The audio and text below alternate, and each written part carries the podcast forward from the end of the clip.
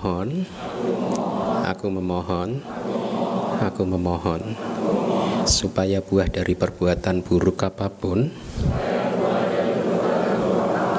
yang telah aku lakukan, baik melalui perbuatan, ucapan, dan pikiran, dapat terhindarkan, dan demi memperoleh jasa kebajikan yang akan memberikan limpahan kepada saya dengan umur panjang, kesehatan, kebebasan dari segala bahaya dan bencana. Aku merangkapkan kedua telapak tanganku, beranjali dan memberikan puja, menghormati dan bersujud penuh dengan kerendahan hati kepada Tiratana Buddha, Dhamma, dan Sangga untuk kedua kalinya aku memohon aku memohon aku memohon supaya buah dari perbuatan buruk apa pun yang telah aku lakukan baik melalui perbuatan ucapan dan pikiran dapat terhindarkan dan demi memperoleh jasa kebajikan yang akan memberikan limpahan kepada saya dengan umur panjang, kesehatan, kebebasan dari segala bahaya dan bencana. Aku merangkapkan kedua telapak tanganku, beranjali dan memberikan puja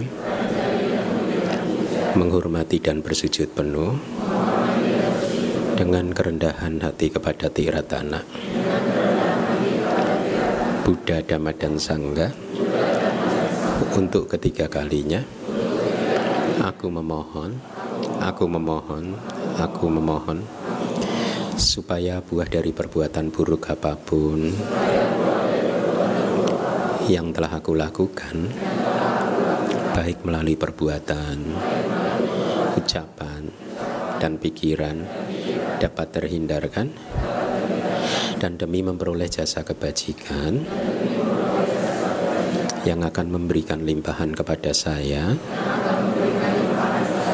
dengan umur panjang, kesehatan, kebebasan dari segala bahaya dan bencana,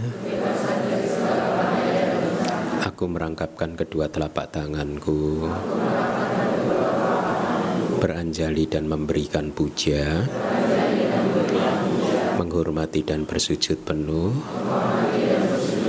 Dengan kerendahan hati kepada Tiratana Buddha, Dhamma, dan Sangga Dan dengan perbuatan yang baik ini Melalui sujud yang luhur Semoga aku selalu terbebas dari empat alam menyedihkan, tiga jenis malapetaka, delapan jenis keadaan yang tidak tepat, lima jenis musuh, empat jenis kemalangan, lima jenis kehilangan, segala jenis penyakit, dan 62 pandangan salah. Serta secepatnya mencapai jalan kebebasan, maka buah, pala, dan dhamma mulia, yaitu nibbana. Ahang bante tisaranena saha. Pancasilang damang yacami anugahang katwa silang teta me bante. Dutiyampi ahang bante. Ti saranena saha anca silang damang ya jami anukahang katwa silang tetah Mebante tak tati ampi. Bante ti sarane nasaha. Panca silan damang ya jami anugahang katua. Silang teta เมปันเตยัมอหังวดามิตังวาเตตานโมตัสสะภะคะวะโตอะระหะโตสัมมาสัมพุทธัสสะ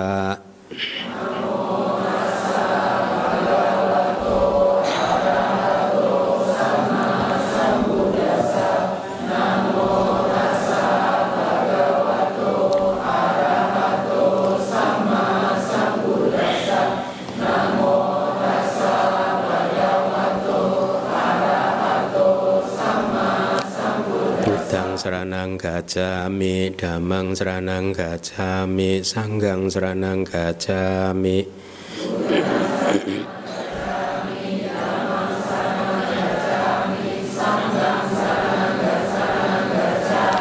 Dutiampi Budang seranang gajami Dutiampi Damang seranang gajami Dutiampi Sanggang seranang gajami. Dutiampi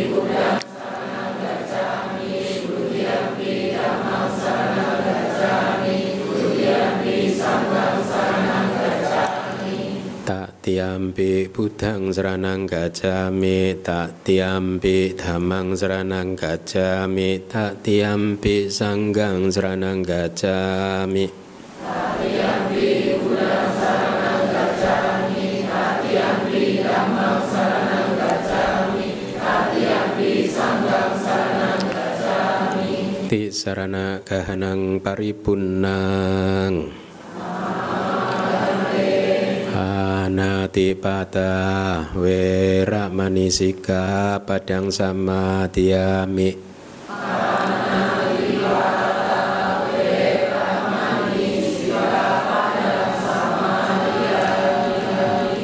Dina dana we ramani padang sama tiami.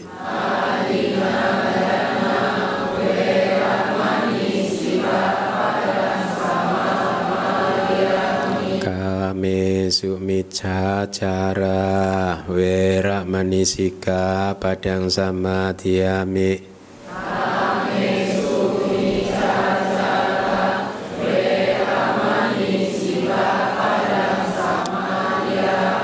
musawada wera manisika padang sama diami.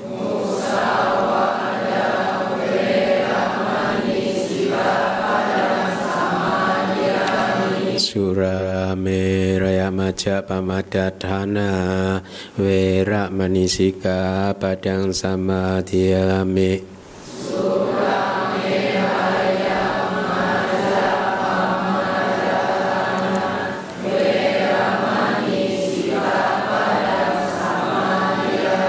Hidang me punyang. Asawakaya Asawakaya wahang hotu idang mesilang nibanasa pacayo. Hotu. Ti sarana saha pancasila damang sadukang katua pemadina sampatita.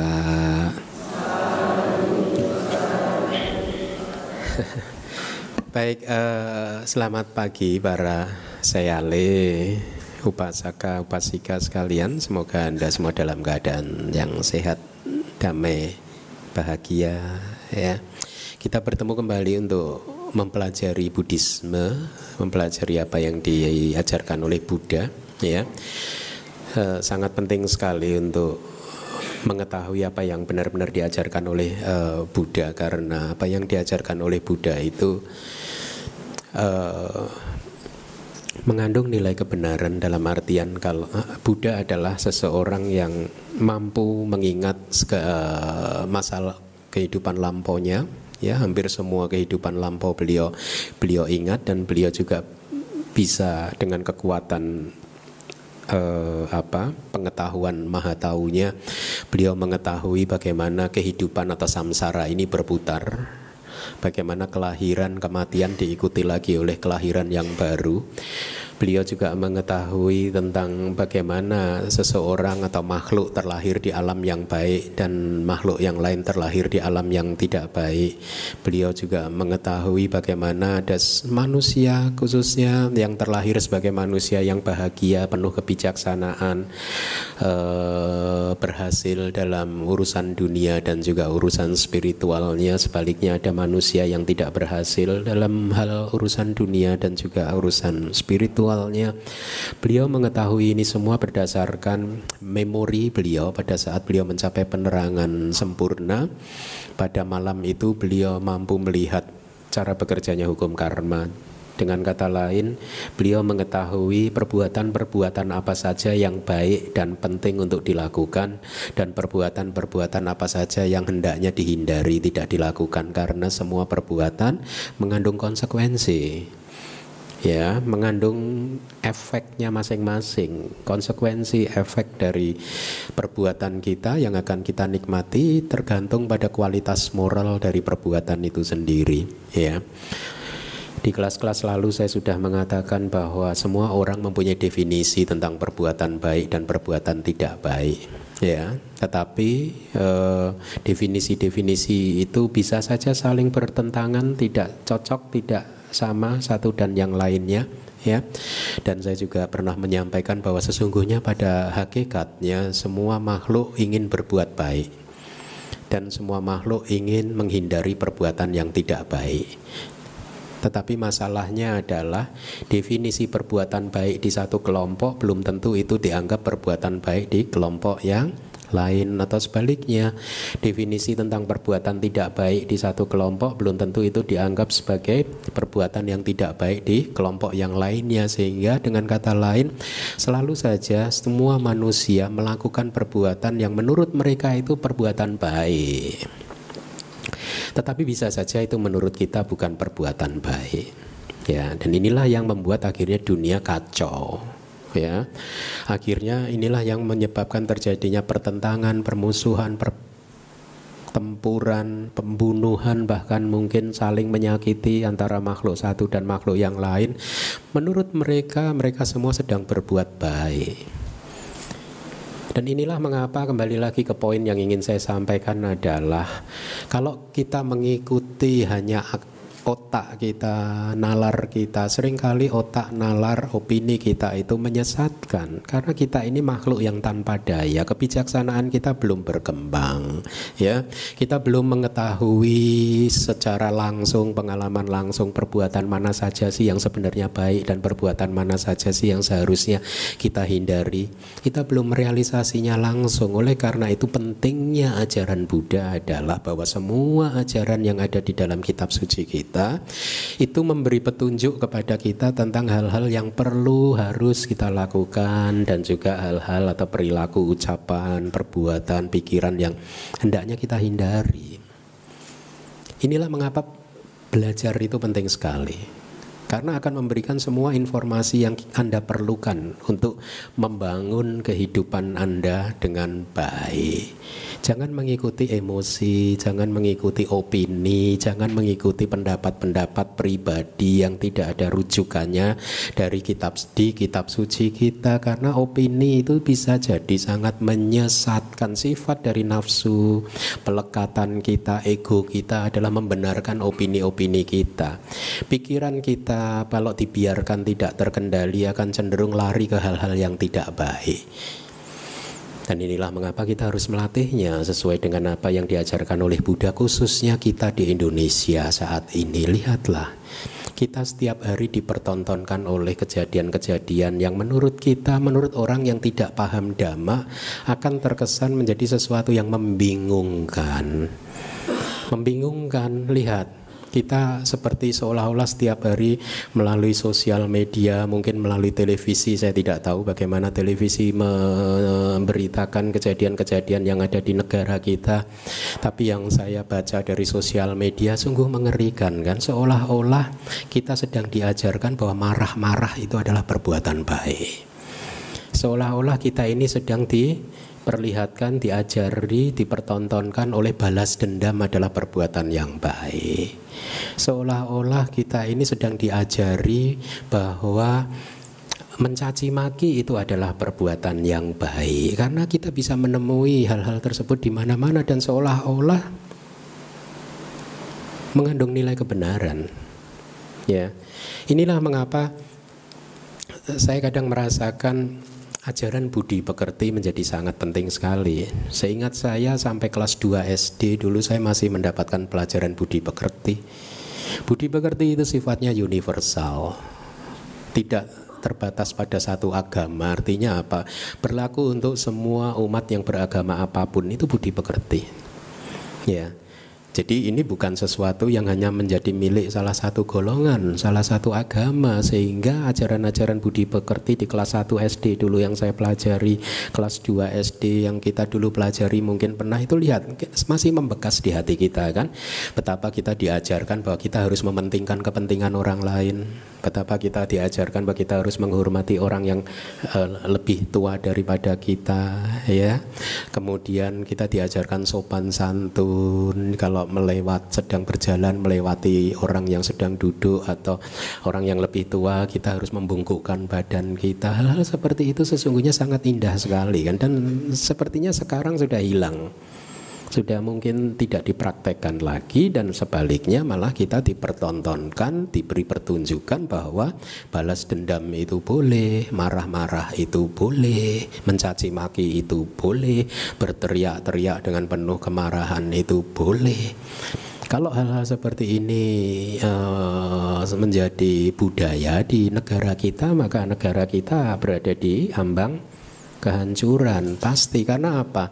Nilai-nilai yang dianut di dalam berbangsa dan bernegara adalah nilai-nilai yang tidak mementingkan atau menghormati kepentingan orang lain tidak menghargai orang lain.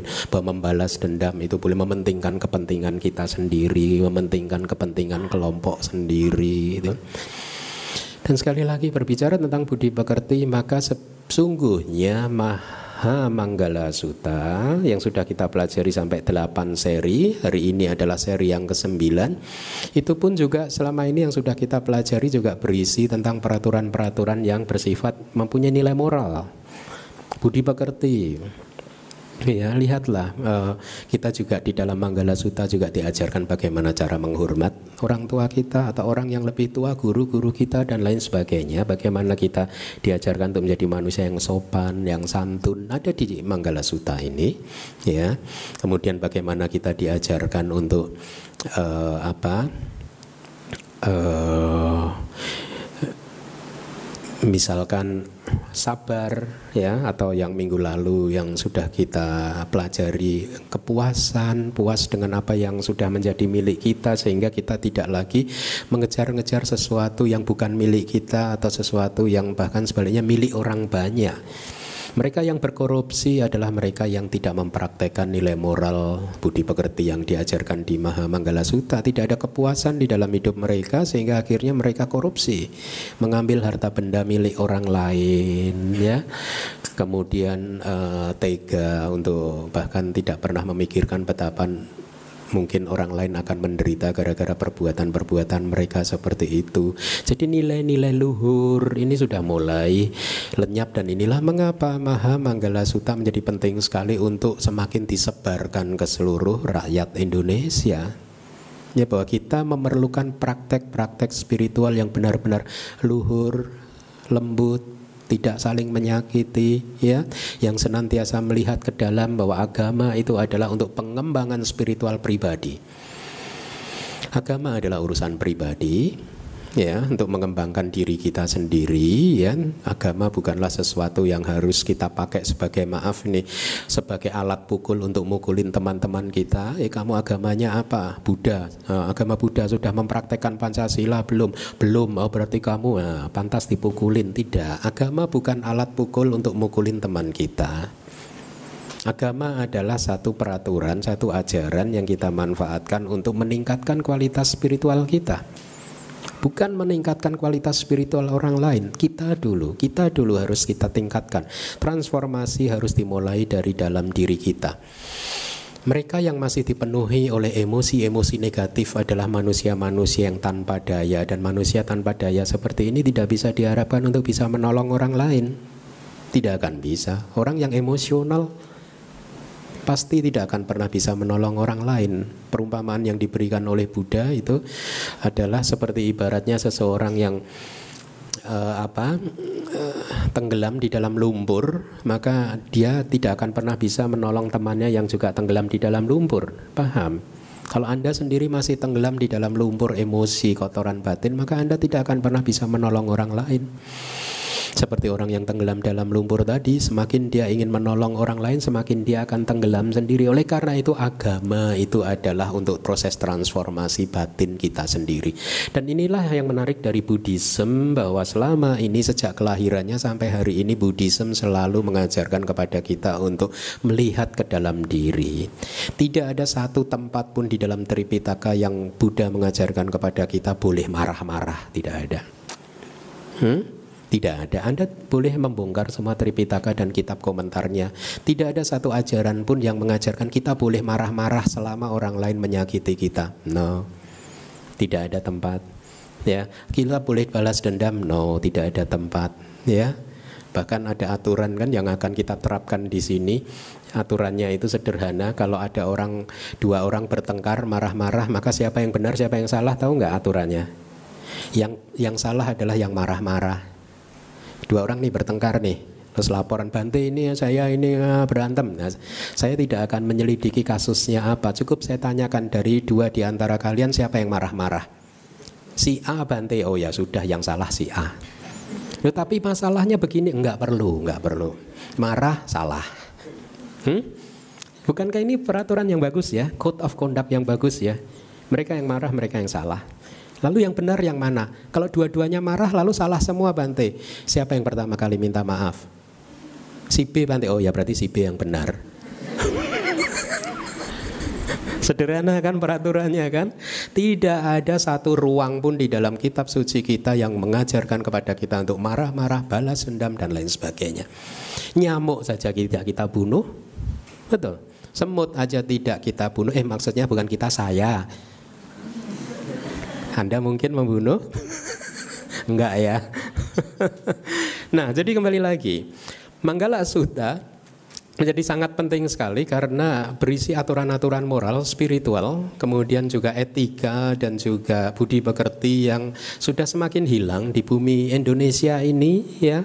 Saya yakin bukan semakin hilang mungkin yang mempraktekkan itu cenderung diam. Ya yang tidak mempraktekkan itu yang cenderung suka berteriak-teriak. Jadi yang kelihatannya yang terlihat ya yang tidak mempraktekkan kan. Ya, nah mari kita lihat uh, nilai moral atau etika atau budi pekerti apa yang uh, bisa kita pelajari selanjutnya. Di kelas kemarin saya sudah kita sudah sampai ke masalah kepuasan ya. Uh, uh, Ya, saya juga sudah sampaikan bagaimana di negeri Thailand eh, pada tahun 70-an Anda masih ingat ya pemerintahnya meminta anggota sangganya untuk jangan mengajarkan tentang kepuasan tentang santuti ya karena itu nanti akan berlawanan dengan proses perkembangan atau kemajuan negara ini. Kita sedang membangun kalau semua umat diajarkan adalah puas, puas nerimo, nerimo saja jadi nggak ada pembangunan nanti gitu. Jadi ada kesalahpahaman dari pemerintah Thailand waktu itu dan dengan berpikir bahwa ajaran Santudi kepuasan itu berlawanan dengan pembangunan atau kemajuan eh, bangsa dan negara. Karena mereka sedang mengadopsi rencana pembangunan dari negeri barat yang mengedepankan pada kemajuan materi materi. Ya dan kemudian ada gerakan dari beberapa biku di sana yang mulai menempatkan ajaran kepuasan pada tempatnya yang benar bahwa sesungguhnya kepuasan tidak berlawanan dengan kemajuan.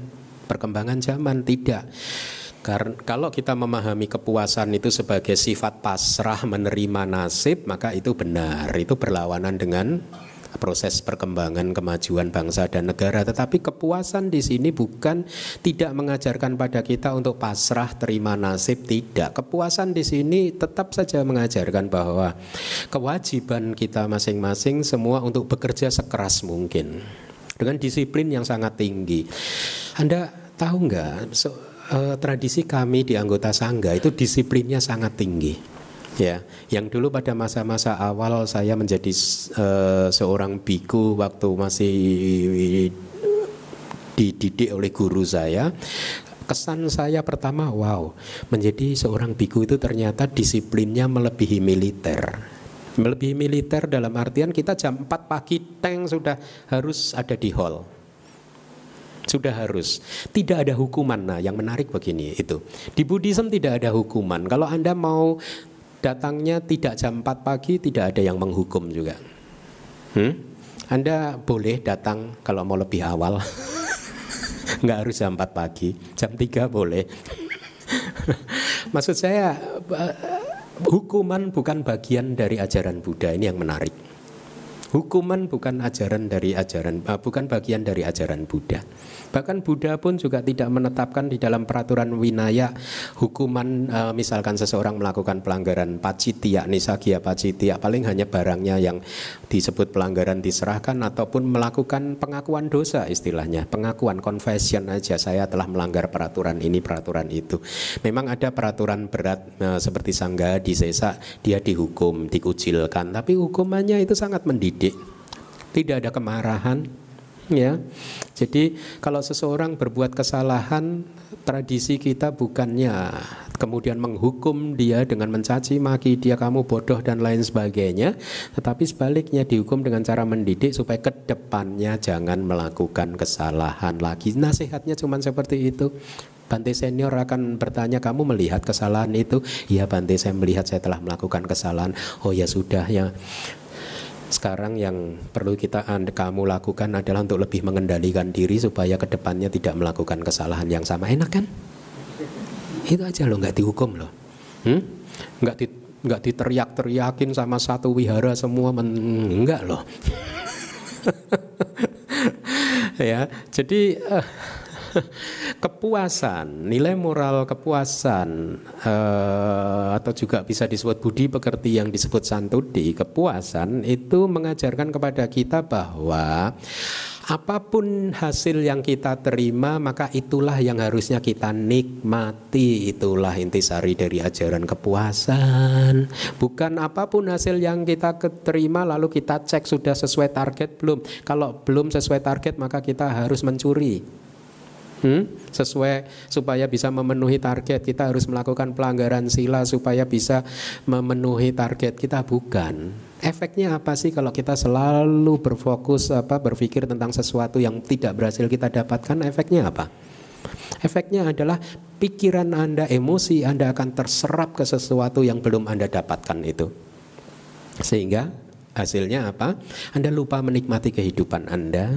Anda lupa menikmati apa yang ada di hadapan Anda, apa yang sudah Anda punya, tetapi sebaliknya pikiran, emosi, daya usaha Anda tumpahkan hanya untuk mengejar sesuatu yang tidak berhasil Anda dapatkan sehingga hidup Anda akan terus-menerus bergejolak. Semua usaha-usaha yang seperti itu yang selalu mengejar sesuatu yang belum dimiliki akan membuat kedamaian hati kita hancur, kebahagiaan kita hancur. Oleh karena itu ajaran kepuasan mengajarkan kepada kita bahwa kita tetap harus bekerja keras seperti para biku yang disiplinnya sangat tinggi, tetapi hasilnya itu bukan bukanlah sesuatu yang berada di kendali kita atau genggaman kita. Kita tidak bisa mengendalikan hasil. Yang kita bisa lakukan adalah berusaha semaksimal mungkin. Saya berusaha menjadi seorang biku ingin menjadi arahat. Ya udah berusaha saja. Kalaupun nanti seumur hidup tidak bisa menjadi arahat nggak apa-apa, nggak apa-apa. Yang penting selama saya berusaha ini saya menjaga sila saya, yang penting selama saya berusaha di dalam kehidupan ini saya menjaga ucapan-ucapan saya, perilaku-perilaku saya dari hal-hal yang tidak baik, pikiran saya saya jaga, tidak apa-apa. Kalaupun nggak jadi arahat di kehidupan saat ini nggak apa-apa. Hmm? Kita lanjutkan perjalanannya besok lagi kita berusaha lagi di kehidupan yang berikutnya. Ya, itulah intisari dari ajaran uh, kepuasan. Jadi mereka yang tidak memahami nilai moral kepuasan sering sekali mengkritik Buddhism sebagai satu ajaran yang hmm, Buddhism itu selalu mengajarkan ketidakmelekatan kepada keduniawian, ketidakmelekatan kepada materi atau apa pun. Jadi ini berlawanan dengan arah kemajuan zaman gitu. Mereka yang mengatakan atau menganggap seperti itu adalah mereka yang tidak paham paham apa itu yang disebut kepuasan. Sesungguhnya kepuasan adalah nilai moral yang sangat luhur karena akan melatih Anda untuk bisa menikmati kehidupan Anda, siapa pun Anda, dalam posisi apa pun Anda, kekayaan berapapun yang Anda miliki, apa pun itu status Anda, masing-masing dari Anda berhak menjadi manusia yang damai dan bahagia.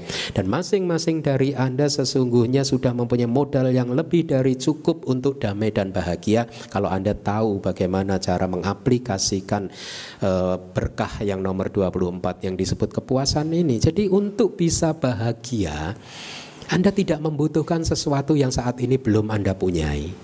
Ini intisari dari ajaran kepuasan. Untuk menjadi bahagia, yang harus Anda lakukan adalah belajar untuk menikmati apa yang sudah menjadi milik Anda. Kalau Anda selalu membanding-bandingkan kehidupan Anda dengan orang lain, maka lihatlah Anda akan kamuflase menjadi orang lain. Seolah-olah Anda ingin menjadi orang lain sehingga Anda lupa untuk menikmati jati diri Anda sendiri. Inilah sebenarnya salah satu alasan kenapa banyak manusia yang tidak bisa bahagia di dalam kehidupan ini karena mereka berusaha menjadi orang lain.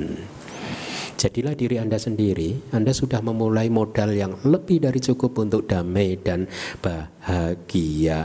Jadi ada juga ajaran santuti itu akan menjadi penyebab kemiskinan. Nah ini juga salah karena santuti kepuasan dimaknai sebagai ajaran yang adalah pasrah saja, nerimo saja, nggak usah berusaha secukupnya. Yang penting buat makan ada, buat ini sudah cukup cukup. Enggak, enggak seperti itu. Kita tetap bekerja keras karena kita ingin menyempurnakan parami-parami kita kan. Salah satu dari sepuluh parami adalah wirya, pak Rami energi harus kita maksimalkan, usaha harus kita maksimalkan, kita sempurnakan.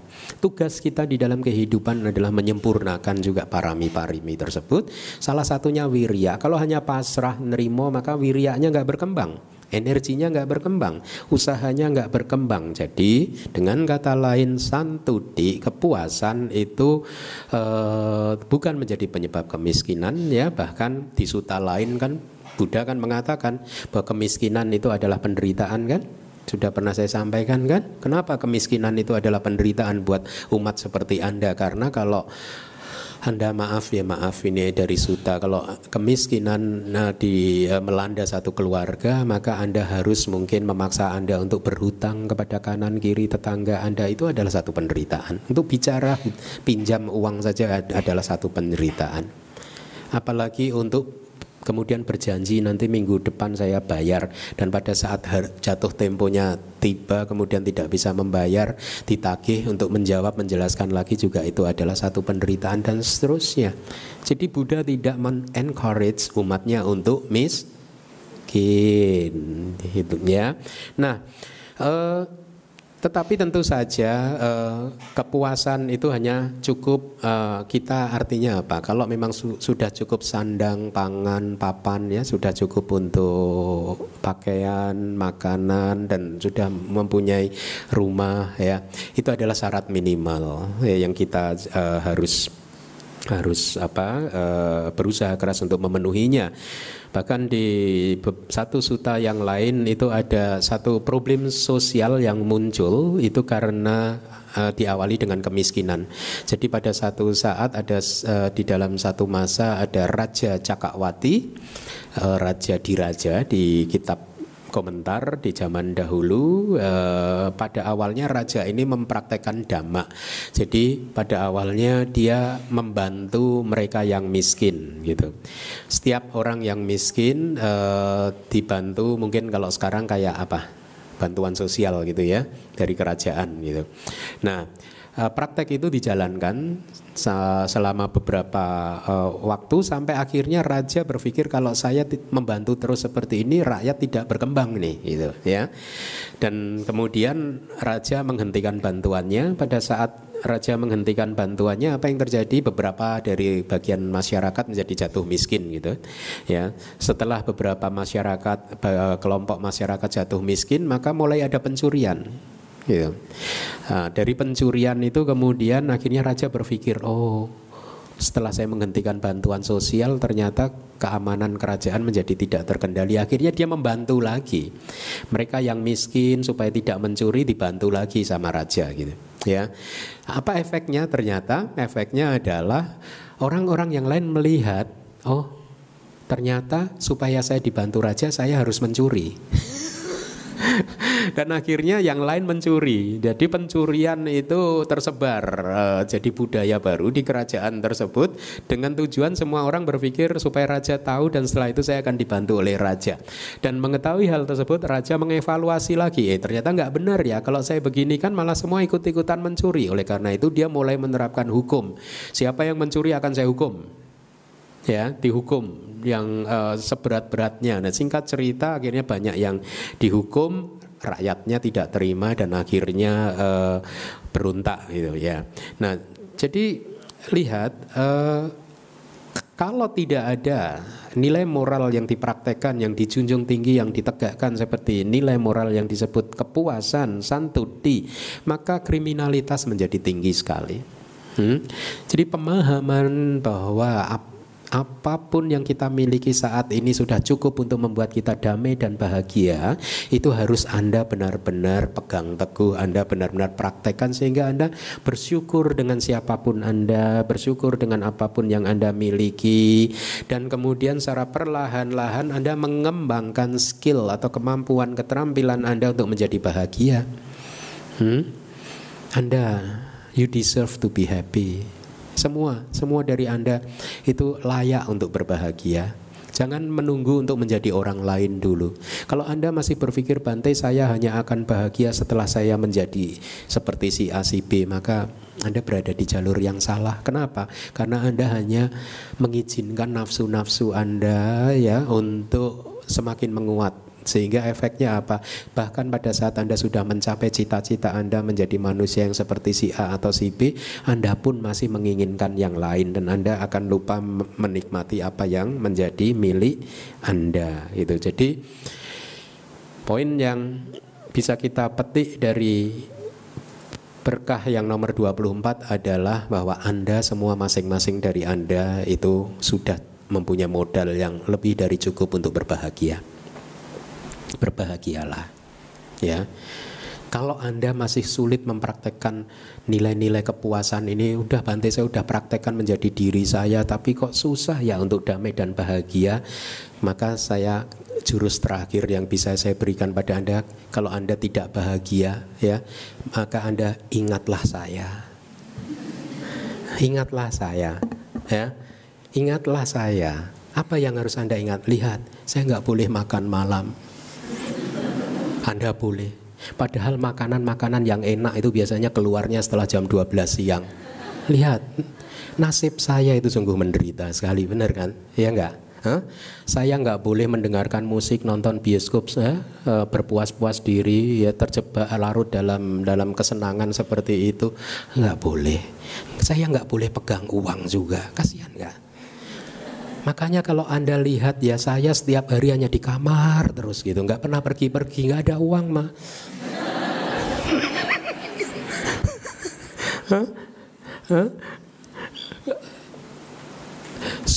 sudah nggak ada uang, nggak boleh masak makanan sendiri juga. Lihat, ya. Kadang kalau anda lupa datang dana makanan kepada saya, saya nggak makan. Lihat, mau makan apa anda nggak dana, saya nggak punya uang. Udah nggak bisa apa-apa lagi kan? Hah? Lihat, kehidupan saya hanya di ruangan di lantai dua itu. Anda boleh tanya orang-orang kantornya di situ mau pergi ke mana? Nggak ada duit. Anda mau pergi ke luar negeri bebas, saya enggak. Jadi kalau Anda sedang menderita, Anda ingatlah saya. Oh, ingatlah saya. Bante Kemenda yang begitu aja senyum-senyum terus, ya enggak ketawa-ketawa terus seperti enggak ada beban, enggak ada kesusahan, enggak ada penderitaan. Huh?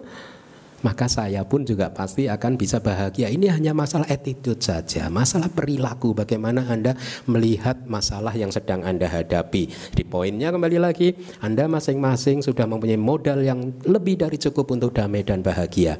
Maka jadilah orang yang damai dan bahagia. Mari kita lanjutkan lagi. Berkah yang nomor Nah, ini juga menarik. 25 berterima kasih ya. Berterima kasihlah kepada siapa pun yang telah uh, anda menurut anda telah berjasa di dalam kehidupan anda ya Jangan sakiti mereka yang telah berjasa pada kehidupan Anda. Hormatilah mereka karena tanpa mereka Anda tidak akan pernah bisa menjadi Anda seperti ini, tidak pernah bisa sebagus kali ini. Tanpa bantuan-bantuan orang-orang tersebut Anda tidak akan pernah bisa mencapai apa yang sudah Anda capai hari ini. Seringkali manusia itu terlalu sombongnya berpikir bahwa saya bisa menjadi diri saya seperti ini karena usaha saya sendiri. Kalau kita renungkan mana ada manusia itu hidup sendirian, berjuang sendirian. Bahkan pada saat SD, SMP, SMA ulangan aja nyontek kok butuh teman lain. Masih butuh bantuan orang lain kan?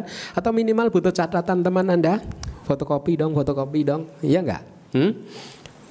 Jadi selalu saja ada orang-orang yang telah berjasa di dalam kehidupan kita, maka praktekkanlah ucapan terima kasih. Ya berterima kasih tunjukkan. Tidak hanya mengakui bahwa orang tertentu itu sudah melakukan perbuatan baik kepada diri kita, itu adalah kata new, tapi ada pasangan yang lain kata wedi. Kata wedi itu apa? Kita bertekad juga untuk kemudian membalas budi, membalasnya. Membalas. Saya mencoba untuk mempraktekkan hal ini di dalam kehidupan saya. Uh, satu kegiatan rutin yang saya lakukan adalah setiap tahun saya berkunjung di Jawa Tengah di dekat hutan di tempat saya dulu bertapa. Karena di kota tersebut ada satu teman yang sangat berjasa kepada saya pada tahun-tahun 99 tahun-tahun akhir tahun 90-an pada saat saya masih tinggal di hutan tahun 2000 juga satu orang ini saya selalu menganggap bahwa dia berjasa sangat besar di dalam kehidupan saya. Sehingga untuk minimal satu tahun saya bertatap kunjungi dia satu tahun sekali. Sekedar untuk membalas budi mengucapkan terima kasih ya. Tentu saja tidak perlu diucapkan terima kasih terus terima kasih makasih makasih makasih nggak perlu. Tapi tunjukkanlah dengan sikap cinta kasih kita perhatian kita kepada dia untuk membalas budi baik yang sudah dia lakukan kepada kita. Nah berterima kasih kata nyuta artinya mengerti paham apa yang telah dilakukan oleh orang lain kepada kita. Jadi kita ingat, tahu bahwa orang lain telah berbuat baik e, kepada kita. Ini pun sudah berkah. Ini pun sudah berkah. Nanti Anda setelah kelas makan siang lihat anda pada saat antri makanan ada para abdi dhamma yang sedang melayani Anda untuk mengambilkan makanan buat Anda ucapkan terima kasih. Sudah belum? Anumodana, anumodami ya, terima kasih, terima kasih. Hmm? Tanpa mereka Anda akan kelaparan. ya, bukankah itu perbuatan yang didorong oleh cinta kasih dari para abdi dhamma yang melayani Anda? Ya, sehingga sudah sewajarnya kalau Anda terinspirasi oleh perbuatan-perbuatan seperti itu, betapa indahnya kalau semua manusia di muka bumi ini melakukan sesuatu untuk menolong orang lain. Hmm? Bukankah ini adalah satu budi pekerti yang sangat luhur untuk membantu orang lain, menyediakan dirinya, waktunya untuk orang lain. Jadi Anda harus perluas perspektif kehidupan Anda bahwa Anda tidak hanya dengan perspektif yang sempit hidup Anda itu hanya bermanfaat untuk anak, istri, suami saja, tetapi hidup Anda bermanfaat untuk anak, istri, suami, orang lain juga. Ya, jangan hanya untuk Anda sendiri. Anda harus bisa bermanfaat untuk banyak orang. Di Suta, Buddha mengatakan ada dua kualitas yang sangat sulit ditemui. Yang pertama adalah seseorang yang berbuat baik sebelum orang lain melakukannya. Bahasa palinya pubak kari. Ya, sebelum orang lain berbuat baik, saya harus berbuat baik, menolong dia terlebih dahulu. Sebelum ditolong orang lain, lebih baik saya menolong daripada ditolong terlebih dahulu. Jadi melakukan perbuatan baik pertama kali, berinisiatif untuk melakukan perbuatan baik pertama kali. Buddha mengatakan kualitas manusia yang seperti itu sulit ditemui loh di muka bumi ini. Hmm? Sulit sekali loh. Kemudian yang kedua adalah seseorang yang berterima kasih dan mengerti perbuatan baik yang telah diterimanya dari orang lain. Ya, jadi uh, kita harus menjadi manusia yang sulit ditemui di dunia ini kan, yaitu seseorang yang tergerak berinisiatif untuk melakukan perbuatan baik sebelum orang lain. Kita harus cepat-cepat berbuat baik, spontan pada saat berbuat baik Spontan itu tidak hanya pas marah saja.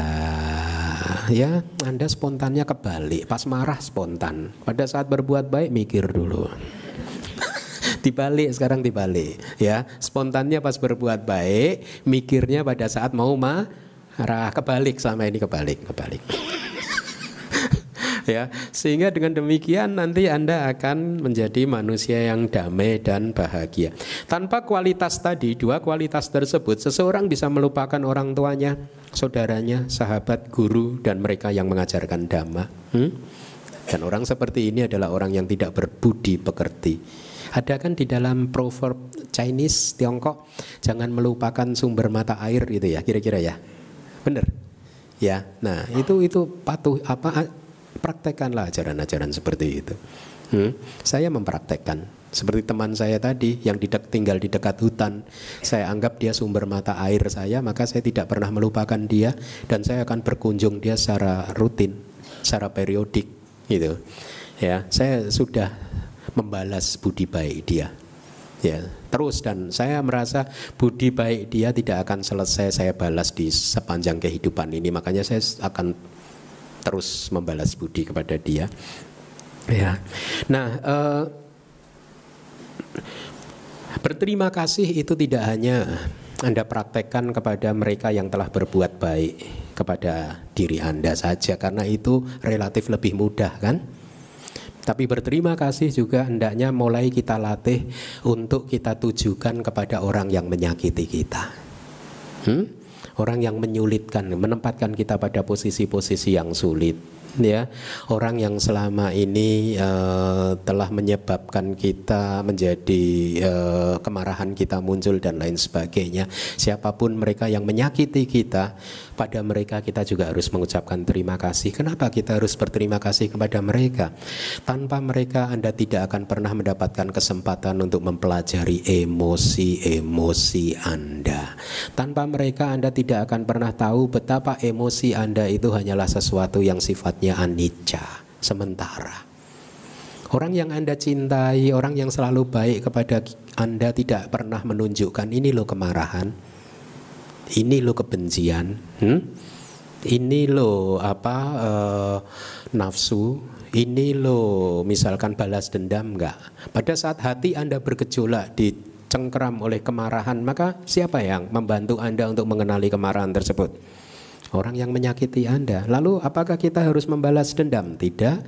Buddhism tidak mengajarkan kita membalas dendam, bahkan sebaliknya berterima kasih. Huh? Terima kasih ya, kamu telah menyakiti saya. huh? Praktekkan itu, praktekkan. Ini masalah perspektif saja, masalah sudut pandang saja. Kalau Anda merasa bahwa orang yang menyakiti Anda adalah seseorang yang pantas untuk Anda sakiti, ini karena Anda melihat dari sisi yang gelap gulita. Anda melihat dari sisi yang negatif, sifat dari pikiran Anda itu seperti ini.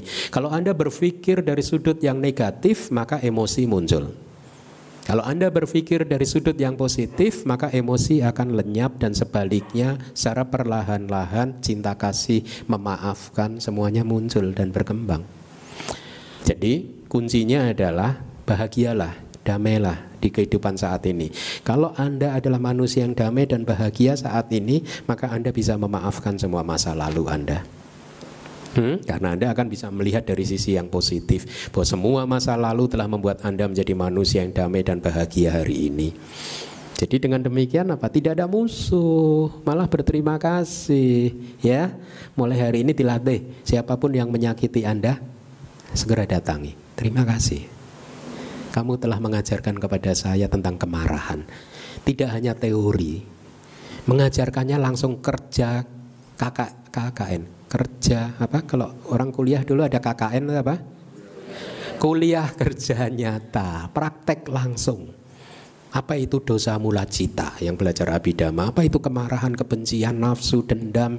Oh, dia sudah menunjukkan langsung, tidak hanya teori, tidak hanya kata-kata, tapi mengantarkan masuk ke dalam hati Anda sehingga Anda mengalaminya langsung. Oh, kemarahan itu seperti ini menyesakkan dada kita. Eh, tapi tidak kekal. Anicca.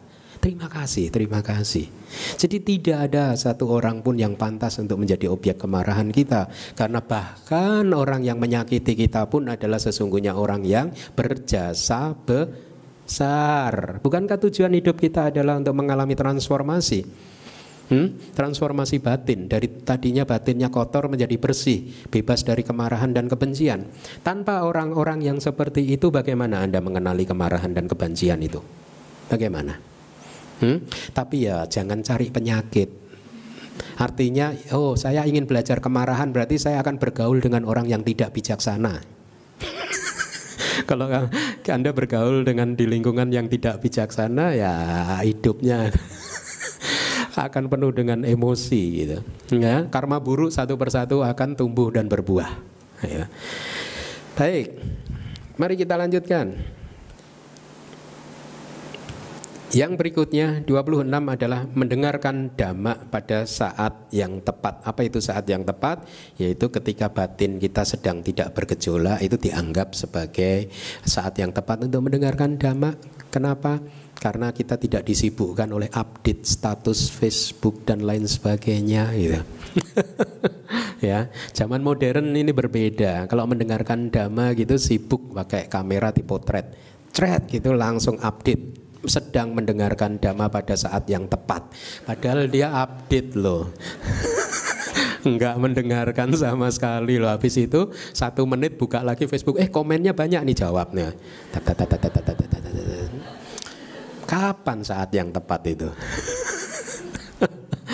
Zaman sudah berubah. Yang penting eksis. Ya enggak? Nah, yang penting saya jam 9 sampai jam 11.30 mendengarkan Dhamma DBS. Gitu. Habis itu sibuk jawab komen-komennya gitu. Nah, setelah selesai jawab komen Dhamma Talk selesai. Zaman udah berubah. ya, e, ketika batin tidak bergejolak karena membuat kita lebih fokus, lebih konsentrasi, penuh perhatian kepada apa yang disampaikan. Ingat manfaat mendengarkan dhamma yang sudah sering kali saya sampaikan yaitu apa? Membuat kita menjadi paham apa yang tadinya kita belum paham, membuat kita menjadi makin paham terhadap apa yang tadinya juga sudah kita pahami ya. Membuat kita tahu cara untuk keluar dari kesulitan-kesulitan kehidupan kita. Membuat kita sabar dan paham bahwa sesungguhnya kita menderita hanya masalah sudut pandang saya yang masih salah. Ya kalau Anda menderita itu karena sudut pandang Anda masih keliru saja ya yang sering saya beri contoh. Masalah apa pun di dalam dunia ini apa pun itu bisa dilihat minimal dari dua sisi. Ini katakanlah ini sisi gelap gulita. Kalau anda melihat ini dari sisi gelap gulita membuat anda menderita maka rubah sudut pandang anda sehingga anda melihat sisi ini. Hmm? cari sudut pandang yang membuat anda emosi anda akhirnya bisa lenyap. Benda yang anda lihat sama tapi anda lihat dari sisi yang berbeda anda cari dan tempatkan diri Anda pada sisi yang membuat emosi-emosi Anda tidak muncul. Ya, jadi penderitaan itu hanya masalah salah posisi saja. Paham? Jadi kalau Anda sekarang duduk di sana menderita, pindah ke sana. Jadi salah posisi. Oke. Okay. Uh, eh, Batin tidak dikuasai oleh nafsu indrawi, indriawi, tidak ada kehendak jahat, kekejaman, artinya batinnya siap, reseptif, ya, mempunyai daya serap yang tinggi untuk menerima apa yang disampaikan oleh guru, ya.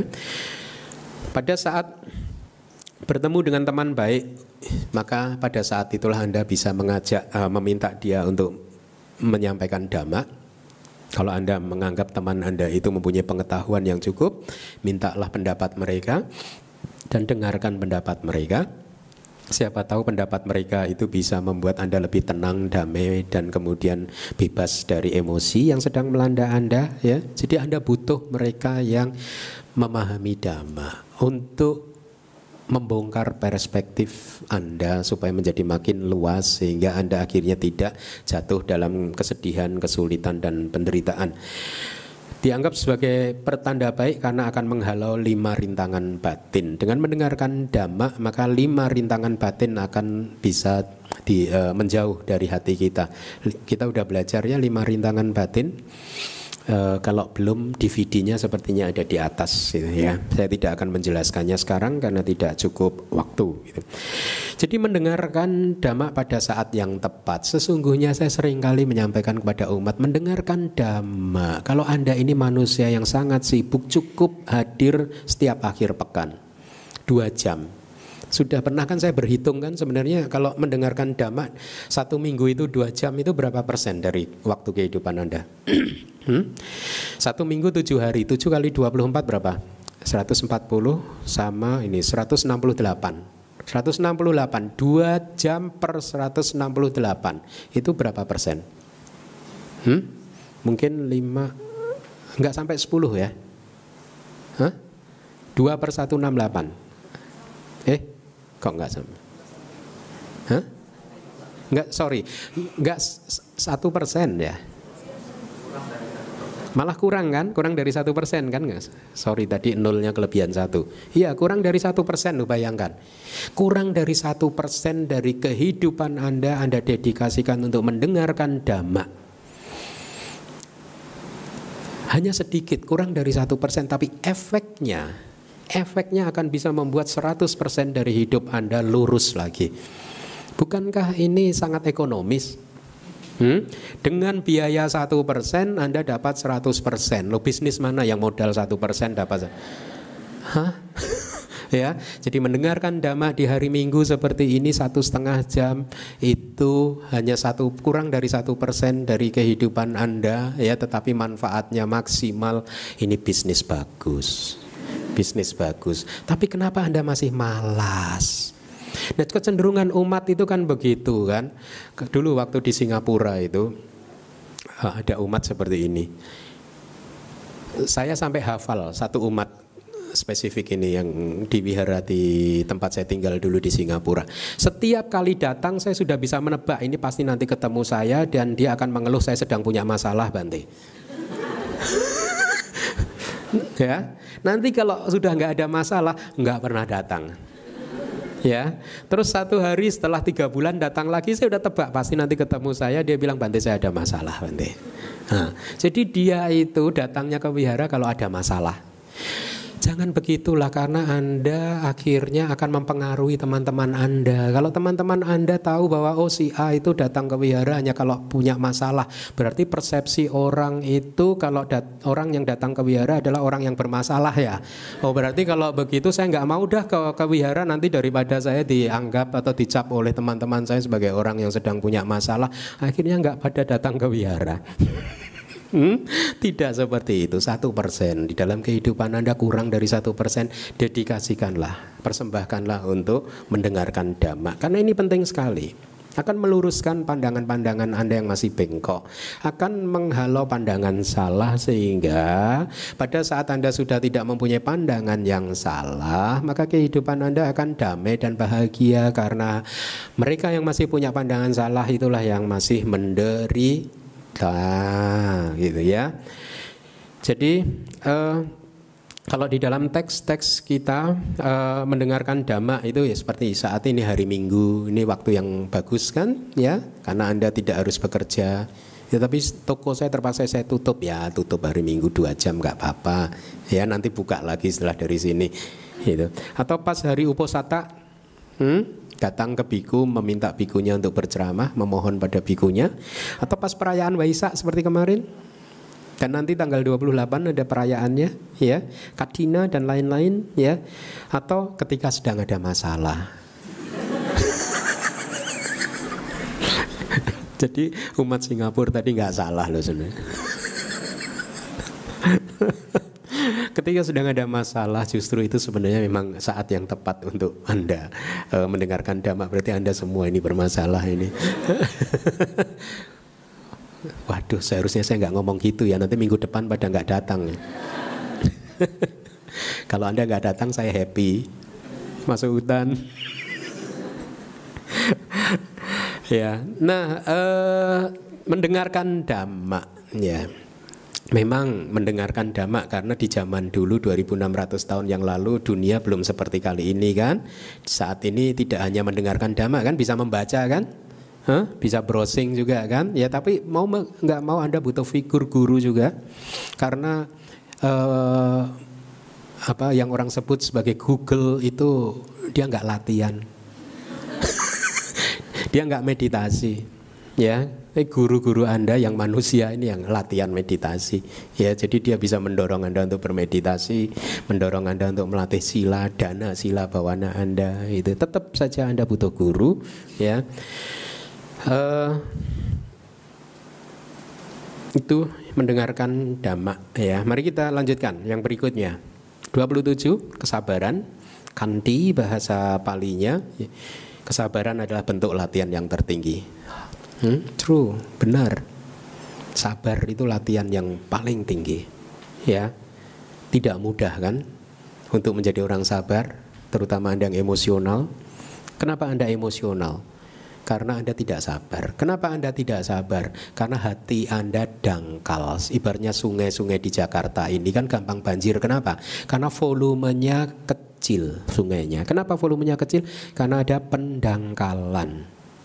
Jadi tidak mampu menampung air dalam jumlah volume yang besar. Sama, mereka yang emosian itu hatinya dangkal. Sehingga ada air emosi sedikit aja harus meluap, luber lewat mulut, lep.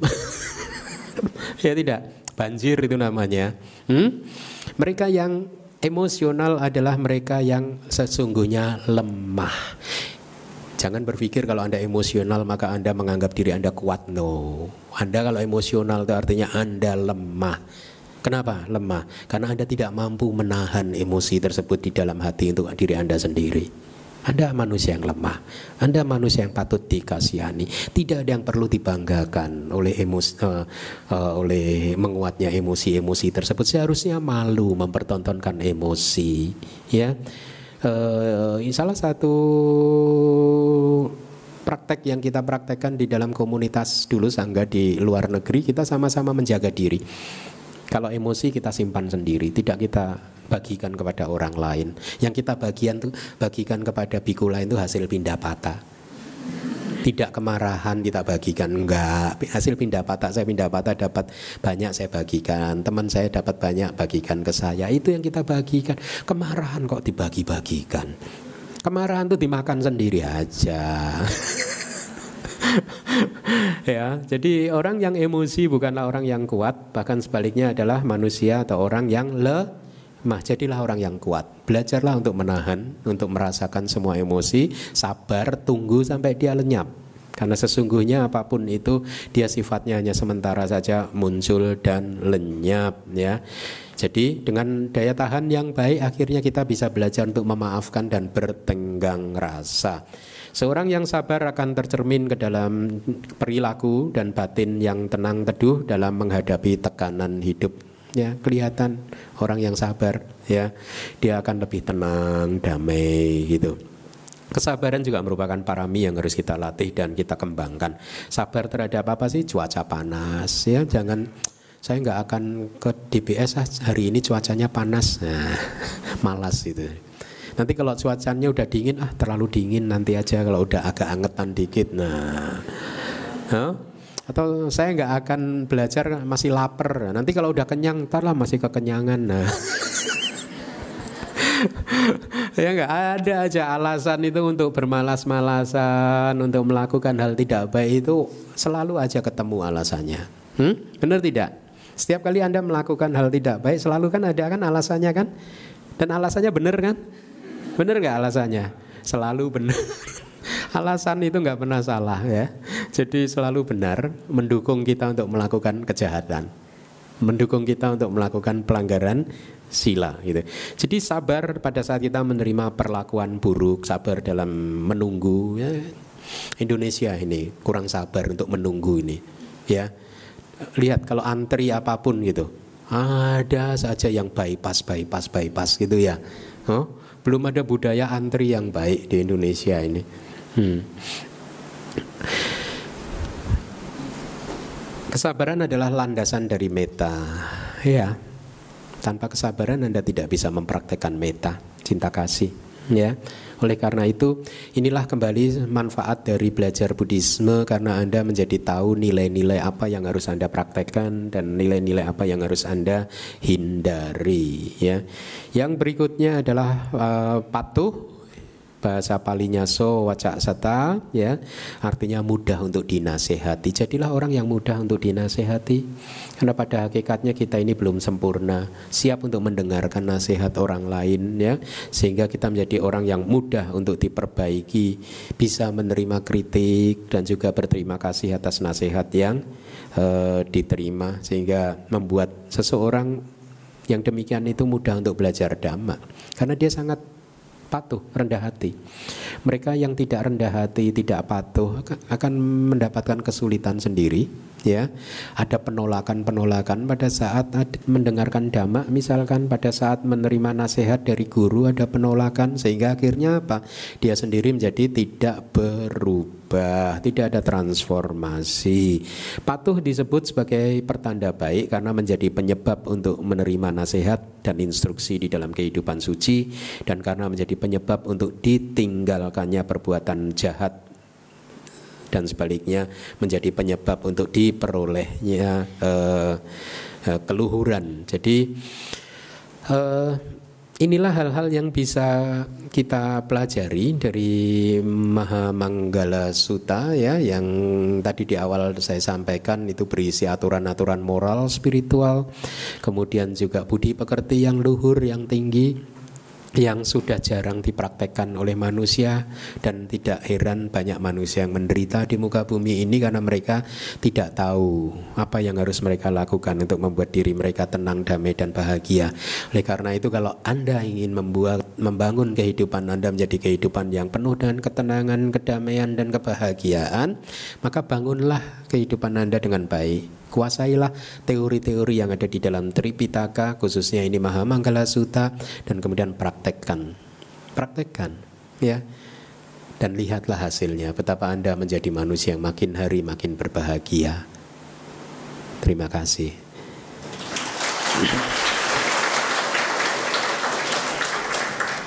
Seperti juga uh, kita tahu Mugalana itu kan uh, sudah mencapai tingkat kejenaran ya dan punya kesaktian ya. Kenapa ya Bante dia masih bisa terima karma yang begitu berat ya Bante? Padahal kan karma itu apa buah karma itu tidak harus berbuah kan Bante? Itu Bante, terima kasih. Tentang Mahamogalana, Mahamogalana meskipun sudah menjadi seorang arahat dan paling sakti kan ya kok masih bisa mengalami karma buruk yang sedemikian hebatnya sampai dia disiksa ya oleh gerombolan apa penjahat begitu ya? Itu mengajarkan kepada kita bahwa buah karma itu tidak bisa kita hindari Bahkan seorang yang sesakti Mahamogalana pun harus mengalami siksaan yang sedemikian rupa kan. Pada saat dia ingin menggunakan kesaktiannya, tiba-tiba kesaktiannya nggak bisa berfungsi kan? Ya, kalau kesaktiannya berfungsi dia bisa lolos dari malapetaka itu.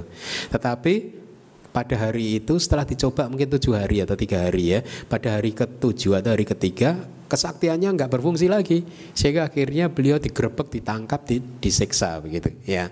Jadi sampai tubuhnya patah-patah dan kemudian sebelum ini dia sempat masuk ke dalam jana dan dikatakan kalau seseorang masuk di dalam jana kan sih tidak bisa dibunuh ya. Jadi dia masuk di dalam jana, para penjahat mengira bahwa dia sudah meninggal dunia, akhirnya ditinggalkan oleh para penjahat tersebut dan setelah sepi Mahamogalana menggunakan abinya lagi kesaktiannya bisa lagi dan pada saat dia bisa menggunakan kesaktiannya dia terbang menemui Buddha pamit Buddha saya mau parinibbana sekarang ya gitu gitu nah, poin dari cerita ini adalah bahwa Maha Mogalana tidak memunculkan emosi kemarahan apa pun pada saat disiksa. Jadi itu yang membedakan orang yang tercerahkan dan orang yang belum tercerahkan. Sama-sama mengalami siksaan. Tapi orang yang belum tercerahkan akan berteriak-teriak minta tolong, ya, akan membalas dendam, akan apa, kemudian uh, me, apa itu, memunculkan kemarahan, kebencian. Tapi orang yang tercerahkan disiksa seperti itu, tetap saja hatinya bersih. Dia memaafkan, tidak marah, tidak membalas dendam terhadap penjahat-penjahat tersebut. Itu yang membedakan. Seperti cerita dua anak panah itu kan? Ya, kalau orang yang belum tercerahkan pada saat kena anak panah pertama, dia tidak tahu bagaimana cara bereaksi terhadap anak panah pertama ini selain marah-marah. Tapi orang yang tercerahkan terkena anak panah pertama, dia tahu bagaimana menyikapi anak panah yang pertama. Dia mengizinkannya untuk terjadi karena memang apa pun yang kita alami itu kita memang pantas untuk menerimanya. Kalau kita mengembangkan sikap batin yang seperti ini bahwa kita pantas untuk menerima apa pun yang sudah datang kepada kita, maka kita akan hidup dengan penuh ketenangan, kedamaian dan kebahagiaan. Ya, mereka yang tidak damai dan bahagia itu muncul karena mereka tidak bisa menerima apa yang datang ke dalam kehidupan mereka. Nah, kalau kita tahu bahwa apa yang datang dalam kehidupan kita ini adalah sesuatu yang memang harus datang, harus kita terima, harus kita nikmati, ya kita akan make peace, damai-damai saja dengan kejadian-kejadian itu. Jadi itu yang membedakan. Maha Mogalana tidak marah-marah, tidak benci, tidak membalas dendam. Baik. Silakan ada lagi bertanya sih. Uh, namu budaya Teh, uh, ya. saya mau nanya uh, soal masalah patuh. Apa? Uh, patuh. Oh. Uh, tentang patuh.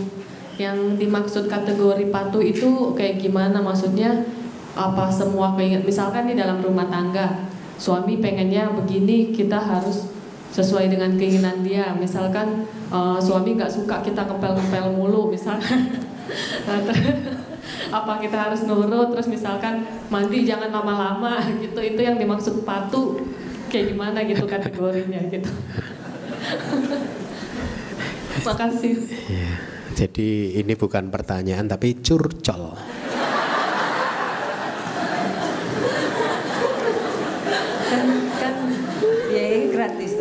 Psikolog gratis. Hah? Psikolog gratis. Psikolog mumpung gratis.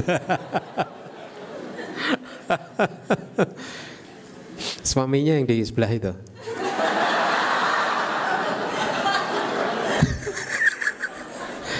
habis ini bales, habis ini kamu tanya ya.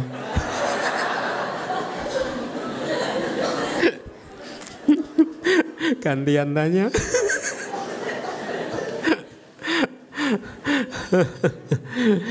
Patuh itu di dalam konteks dhamma. Kita kan mempunyai daya nalar, daya analisa terhadap apa pun yang kita terima kan, ya. Jadi eh, dalam misalkan ada nasihat mandi jangan terlalu lama, ya. Kalau itu kemudian Anda analisa kenapa tidak boleh terlalu lama ya Anda tanya ya kemudian kalau tidak ada alasan yang cukup kuat ya Anda menjelaskan kepada suami Anda. Yang penting komunikasi lah. Huh? Masa gara-gara mandi terlalu lama harus berantem? Komunikasi dijalin yang baik, dijelaskan. Saya mandi terlalu lama karena daki saya tebal.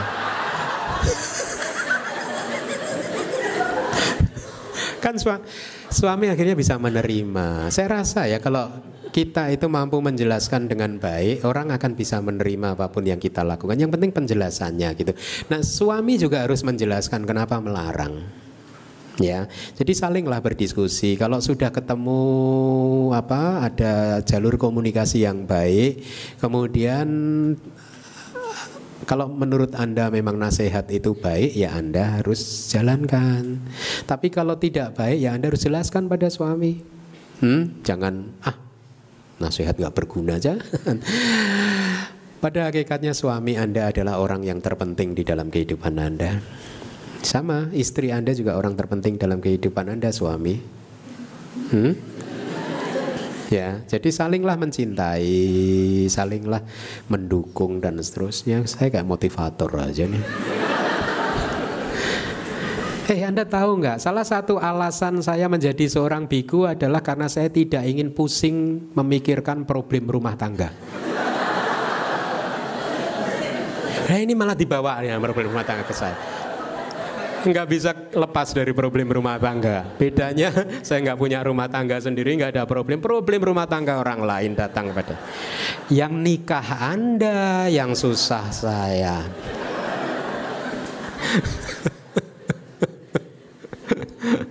Bukan, jadi tapi memang seperti itu komunikasi lah komunikasi. Ya kalau antara suami istri sudah tidak ada komunikasi yang baik, maka rumah tangga akan jadi neraka loh ya komunikasi. Tanya kenapa? Alasannya apa? Gitu. Terus kalau menurut anda tidak cocok ya anda sampaikan kepada dia kalau saya seperti ini kok alasannya begitu begitu gitu. Ngepel ini kan biar bersih biar ini ya gitu. Biar sehat juga sayanya gitu. Tapi kalau suami anda mempunyai alasan yang baik jangan ngepel terus lah nanti kurus loh kamu itu kayak gitu. Nah. Kan bisa dicarikan jalan tengah solusinya bagaimana supaya ngepel tetap boleh, kurusnya enggak. Gemuk juga gitu. Jadi komunikasi lah, ya. Oke. Okay.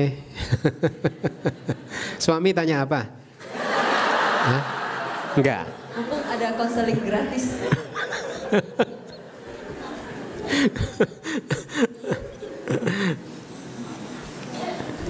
Namo budaya Bante. Ya. Saya mau nanya perihal tadi poin kepuasan sama terima kasih. Uh, biasanya dalam dunia kerja atau dalam dunia usaha kan kita mungkin dapat pelatihan ya dari Hmm. perusahaan atau dari pemilik bisnis. Tapi kan namanya kita mungkin tadi kita ingin berusaha, kita punya ingin punya jenjang karir yang lebih baik. Apakah itu ke promosi jabatan atau mempunyai usaha sendiri. Nah, yang ingin saya tanyakan adalah pada saat kita diberikan pelatihan skill, itu kan kita dia, eh, diberikan sebuah bekal. Tapi di satu sisi berjalannya waktu kan mungkin kita akan ingin peningkatan karir. Hmm. Nah, pada saat seperti itu mungkin kita pada saat kita pindah perusahaan atau kita ingin menjadi pemilik bisnis sendiri, mungkin kita akan menyinggung atasan atau pimpinan atau yang punya usaha. Walaupun mungkin kita pamit secara baik-baik. Nah, dalam konteks ajaran Buddhis, apakah itu dianggap tidak berterima kasih atau tidak berpuas diri? Hmm. Seperti itu, Tante. Terima Ya. kasih. Eh, tidak puas dan tidak berterima kasih itu tergantung pada eh, apa yang kita lakukan. ya. Eh, kalau Anda sudah menyampaikan kepada pimpinan itu dengan baik, seperti tadi komunikasi itu dijalin dengan baik, Anda maks- jelaskan maksud dan tujuan Anda dengan baik, ya. Kemudian juga kalau pimpinan misalkan tidak ada penolakan dan akhirnya ada kesepakatan, ya maka itu sah-sah saja. Apakah nanti lalu bagaimana kalau pimpinan saya jadi tidak happy dengan masalah itu? Ya itu sudah di luar di luar kekuasaan Anda. Yang bisa Anda lakukan adalah menjelaskan itikat Anda, maksud Anda kepada mereka. Jangan ditinggal begitu saja karena akan memunculkan kesalahpahaman kan? Ya, komunikasikan dengan baik, jelaskan dengan baik bahwa saya ingin merubah nasib, mungkin ingin merintis usaha saya sendiri gitu, ya. Selama Anda tidak ada tugas kewajiban yang lalai selama bekerja dengan bos Anda, kemudian juga semua sudah Anda kerjakan dengan baik dan juga permintaan eh, pengunduran diri disampaikan dengan baik, kemudian sampaikan terima kasih selama ini telah menopang kehidupan saya, ya. Rendah hati sajalah Anda bos sudah menopang kehidupan saya padahal kan itu hak memang Anda bekerja dan Anda mendapat gaji yaitu hak tapi kita lebih baik berendah hati bahwa selama ini kehidupan saya telah dibantu oleh perusahaan ini terima kasih atas itu semua gitu Eh, saya akan mencoba untuk merubah nasib, nggak apa-apa. Semua orang berhak untuk berubah nasib, semua orang, termasuk dalam beragama pun. Hmm? Kalau anda menurut anda agama anda tidak cocok, pindah. ya, dan saya melakukannya. Gitu juga cocok pindah. Saya nggak mau mengorbankan keseluruhan hidup saya sampai nanti akhir kehidupan hanya untuk menjalankan sesuatu yang saya sendiri udah nggak yakin. Waktu itu gitu. Jadi saya pindah juga gitu. jadi semua tergantung cara kita sih. Berterima kasih puas itu tergantung cara kita Apakah dengan pindah merintis karir sendiri, membangun perusahaan sendiri berarti uh, kita tidak mempraktekkan kepuasan? Enggak, kepuasan bukan masalah itu. Kepuasan adalah masalah tetap kita harus bekerja keras, tetapi nanti hasilnya seperti apa itu itu pun itu yang kita terima itu yang namanya kepuasan. Ya. Jadi saya tetap bekerja keras, berusaha untuk merubah nasib saya, pindah dari satu kantor, kemudian membangun perusahaan saya sendiri. Ya, saya akan bekerja keras. Kalau nanti kantor yang baru ini hasilnya tidak sesuai target saya, saya tetap tersenyum. Itu kepuasan. Jadi nggak apa-apa, Anda pindah, bekerja keras. Jadi sekali lagi seperti yang tadi saya sampaikan, wilayah yang menjadi wilayah kita adalah bekerja keras. Itu adalah sesuatu yang menjadi kewajiban kita, bekerja keras hasil dari pekerjaan keras kita itu adalah sesuatu yang berada di luar kendali kita. Jadi kita tidak bisa mengatur hasil. Apa pun hasilnya kita nikmati. Jadi begitu, nggak apa-apa. Tergantung caranya aja. Oke, ya. Ada yang lain? Nah, ini curhat lagi suami istri nih. Selamat siang, Pak saya nggak tahu curhat atau apa gimana. Saya pengen tahu aja tentang definisi yang paling mendetail tentang arti kesabaran gitu Bante. Oh. Jadi misalkan gini Bante, apakah uh, kita bersikap diam terhadap kondisi walaupun didesak, uh, misalnya kondisi tersebut mendesak kita untuk melakukan sesuatu, tapi kita lebih memilih untuk diam itu apakah disebut kesabaran? Lebih memilih apa? Uh, memilih untuk diam, tidak bereaksi terhadap reaksi yang sedang jelas berpotensi mengumpulkan apa menumbuhkan kilesa kita gitu loh Bante. Hmm. Jadi misalnya contohnya misalkan dalam satu belajar apa maksudnya dalam satu situasi lah ya. Misalnya kita lagi mau tenangkan diri, tiba-tiba ada situasi yang mendesak kita itu kalau kita teruskan layanin reaksi mereka, kita akan muncul kemarahan atau apa segala macam. Nah, hmm. yang saya pengen tanya, uh, definisi kesabaran itu sebatas mana gitu Pak? Ya. Kesabaran itu melihat ke dalam nih ya, sabar untuk menahan, uh, mengendalikan semua emosi, kilesa. Gitu. Jadi Eh, sabar itu tidak didefinisikan secara fisik tetapi lebih kepada secara internal. Bagaimana Anda mengatasi kilesa-kilesa Anda ya. Kalau memang harus mengatasinya dengan diam ya sudah nggak apa-apa. Yang penting tidak memunculkan kilesa mengizinkan kotoran batin itu hanya berkecamuk di dalam hati dan kemudian mengizinkannya untuk lenyap itu kesabaran. Ketidaksabaran adalah mengizinkan kotoran batin untuk meluap keluar melalui ucapan, melalui mata, melalui mimik wajah, melalui tangan, melalui perbuatan tubuh itu ketidaksabaran. Paham? Ya, jadi tolak ukurnya adalah di kemampuan kita untuk mengizinkan kotoran batin tidak meluap keluar dan bisa kemampuan kita untuk melenyapkannya secepat mungkin. Jadi tidak bisa diukur dari fisik. Kalau yang orang yang diem saja belum tentu sabar. Belum tentu, tidak bisa diukur secara fisik karena itu menyangkut kualitas internal, kualitas hati ya. Jadi lebih kepada bagaimana kita mampu untuk mengendalikan diri, untuk menahan diri ya. Oleh karena itulah e, penting sekali buat kita untuk mengetahui apa saja sih emosi-emosi negatif itu yang harus kita kendalikan supaya tidak meluber keluar itu kita harus tahu nah Buddhism khususnya Abhidhamma itu menguraikan emosi-emosi negatif itu dengan sangat detail sekali ya karena kalau Anda tidak tahu emosi-emosi negatif maka jadi jadi keliru lagi dianggapnya ini adalah emosi positif ternyata itu adalah emosi negatif seperti tadi di kelas yang di awal saya katakan setiap kali melakukan sesuatu sesungguhnya semua manusia merasa itu perbuatan yang benar. Hmm? Kalau dia merasa bahwa ini salah ini tapi nggak apa-apa lah saya lakukan. Jarang loh manusia yang seperti itu. Selalu dia merasa benar. Cuman merasa benar itu kan bisa muncul dari khayalan. Ya bukan sesuatu yang benar-benar benar gitu. Jadi itulah pentingnya dhamma karena dari dhamma kita mendapatkan informasi yang berharga tentang apa itu kilesa dan apa itu yang bukan kilesa gitu. Jadi sekali lagi kesabaran itu menyangkut kualitas internal bukan fisik ya seseorang yang banyak senyum juga belum tentu orang yang sabar hmm? betul tidak hmm ya jadi masalah kualitas internal Seseorang yang cemberut terus belum tentu juga tidak sabar. Belum tentu.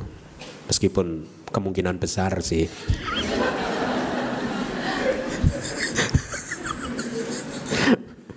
Begitu Agus.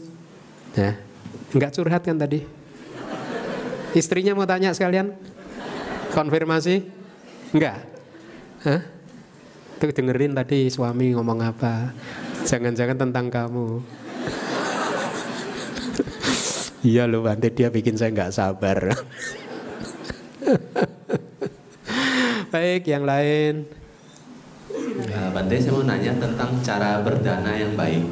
Jadi ada beberapa pandangan yang saya terima. Hmm. Yang pertama, misalnya eh, berdana itu sebaiknya kepada anggota sangga Hmm. atau dalam bentuk dana dharma itu lebih baik. Dana dama. Artinya cetak buku dan Ah, sebagainya. ah, ah. Nah, apakah itu lebih baik? eh, bagaimana dengan menolong orang sakit, eh, membangun rumah sakit dan lain sebagainya? Hmm. Nah, eh, kadang eh, ada pandangan juga karena terlalu banyak hitung-hitungan dalam berdana, jadi ada kesan untung rugi. Apakah dana ini lebih untung kalau dikasih ke sini, apa ke mana? Mohon Hmm. petunjuk. Baik. Dana bisa dibedakan menjadi dua. Dana sebagai punya meritorious deeds, dana, dana sebagai kebajikan dan dan dana sebagai parami. Ya, ada dana parami, ada dana yang hanya sebatas kebajikan saja. Jadi Anda bedakan dulu ke dalam dua kategori ini. Karena masing-masing mempunyai ciri karakteristik yang berbeda. Dana sebagai kebajikan itu adalah dana sebagai karma baik. Ya, yang akan berbuah menghasilkan kebahagiaan kelahiran yang baik di dalam samsara. Ya, sebagai kebajikan. Oleh karena itulah dana sebagai kebajikan ya Buddha mengajarkan uh, di dalam salah satu suta itu memang ada hitungannya. Di Dakina Wibangga Suta itu Buddha menjelaskan dana yang ditujukan kepada binatang tetap saja itu perbuatan baik, dia mempunyai efek kelahiran di 100 kelahiran kalau saya tidak salah ya. Jadi artinya buah dari dana kepada binatang katakanlah berdana sepiring makanan kepada binatang itu bisa dampak atau kekuatan buahnya bisa muncul di 100 kali kelahiran.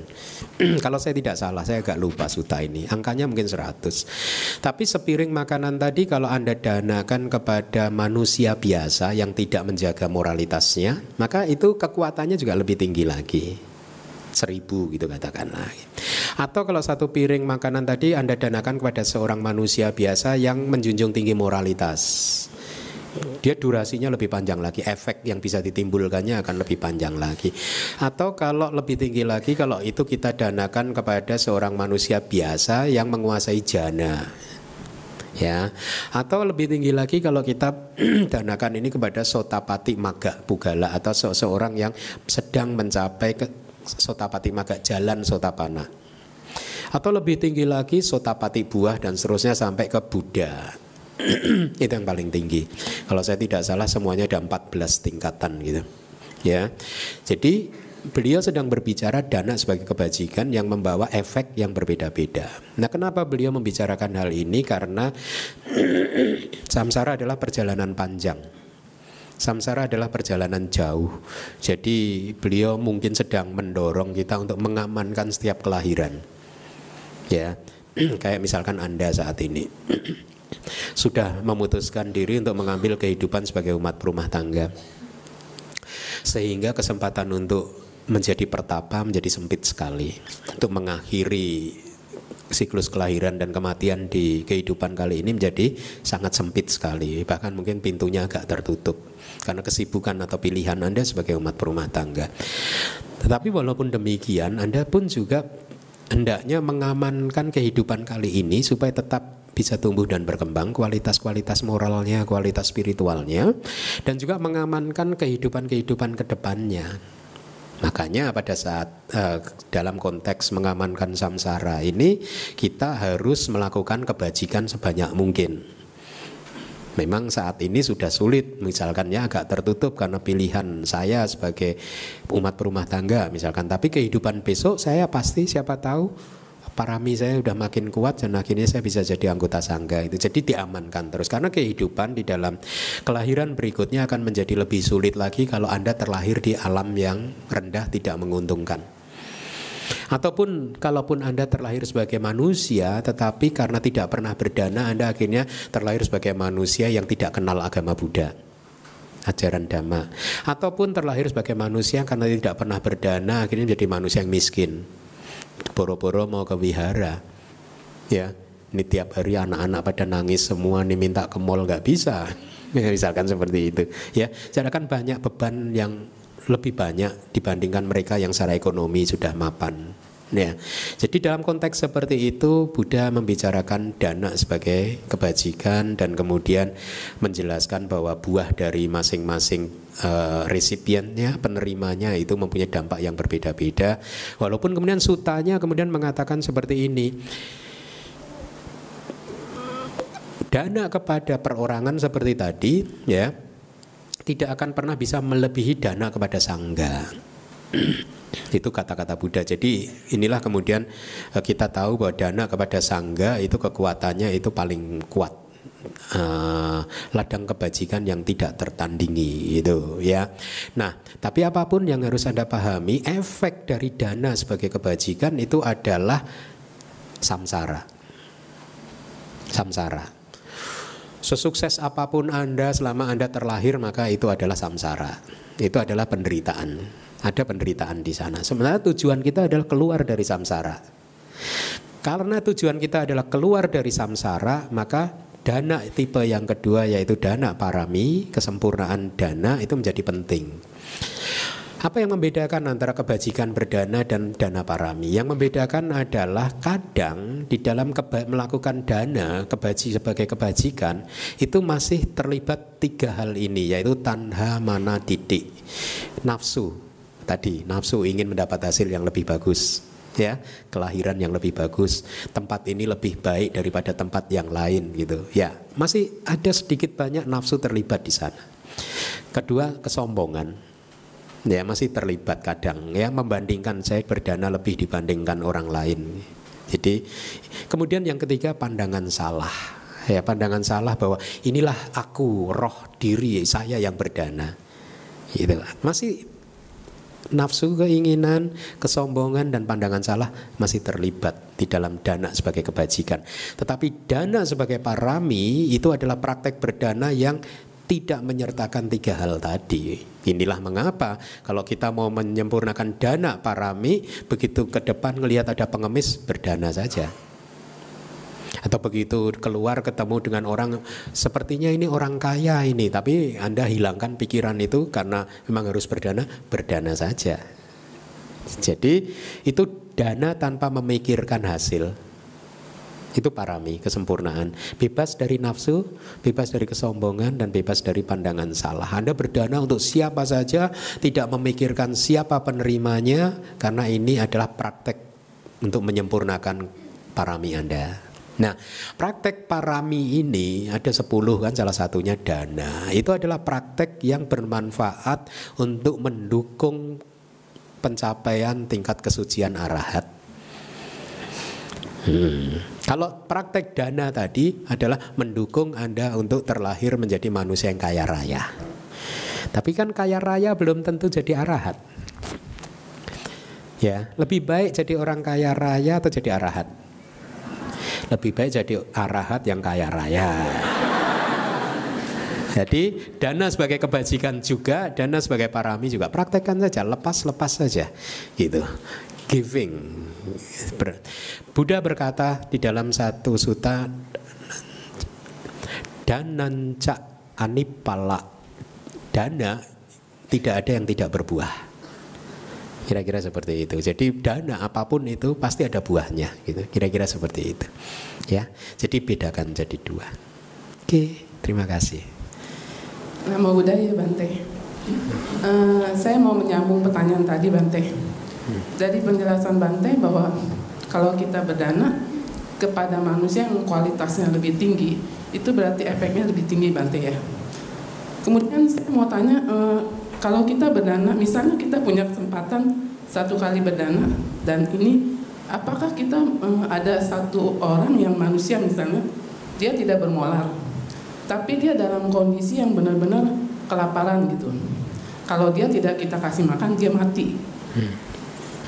Kemudian apakah dengan hitung-hitungan tadi Bante, apakah kita lebih baik eh, berdana kepada manusia yang bermoral karena efeknya lebih tinggi atau kita kasih yang tadi yang tidak bermoral itu tapi kalau dia tidak makan kan dia mati. Berarti kan kita eh, lebih lebih kalau menurut pandangan sementara orang kan lebih baik karena kita menolong jiwa orang itu yang Bante. Itu yang pertama. Terus yang kedua, eh, kalau kita berdana, kemudian dana kita disalahgunakan, misalnya ya katakanlah orang itu menipu kita dan kita tidak tahu kita berdana pada beliau gitu. Apakah ini eh, ada ada manfaatnya Bante? Terima kasih. Baik, bagus. yang pertama adalah ini yang saya katakan selalu kembangkan daya kebijaksanaan untuk thinking out of the box. Jangan dipersempit cara berpikir kita bahwa di dalam kehidupan hanya ada dua pilihan. Membantu orang kelaparan atau membantu sangga. Nah itu kan mempersempit pilihan kan. Dalam kehidupan akan selalu ada pilihan yang ketiga. Pilihan ketiganya bagaimana? Aduh kamu lapar ya, mau mati ya. Iya nih saya butuh makan. Gini yuk, ini saya ada satu piring makanan. Kita sama-sama ke DBS yuk. Ya, ikut saya ke DBS. Satu piring ini nanti kita persembahkan sama-sama ke Bante Keminda.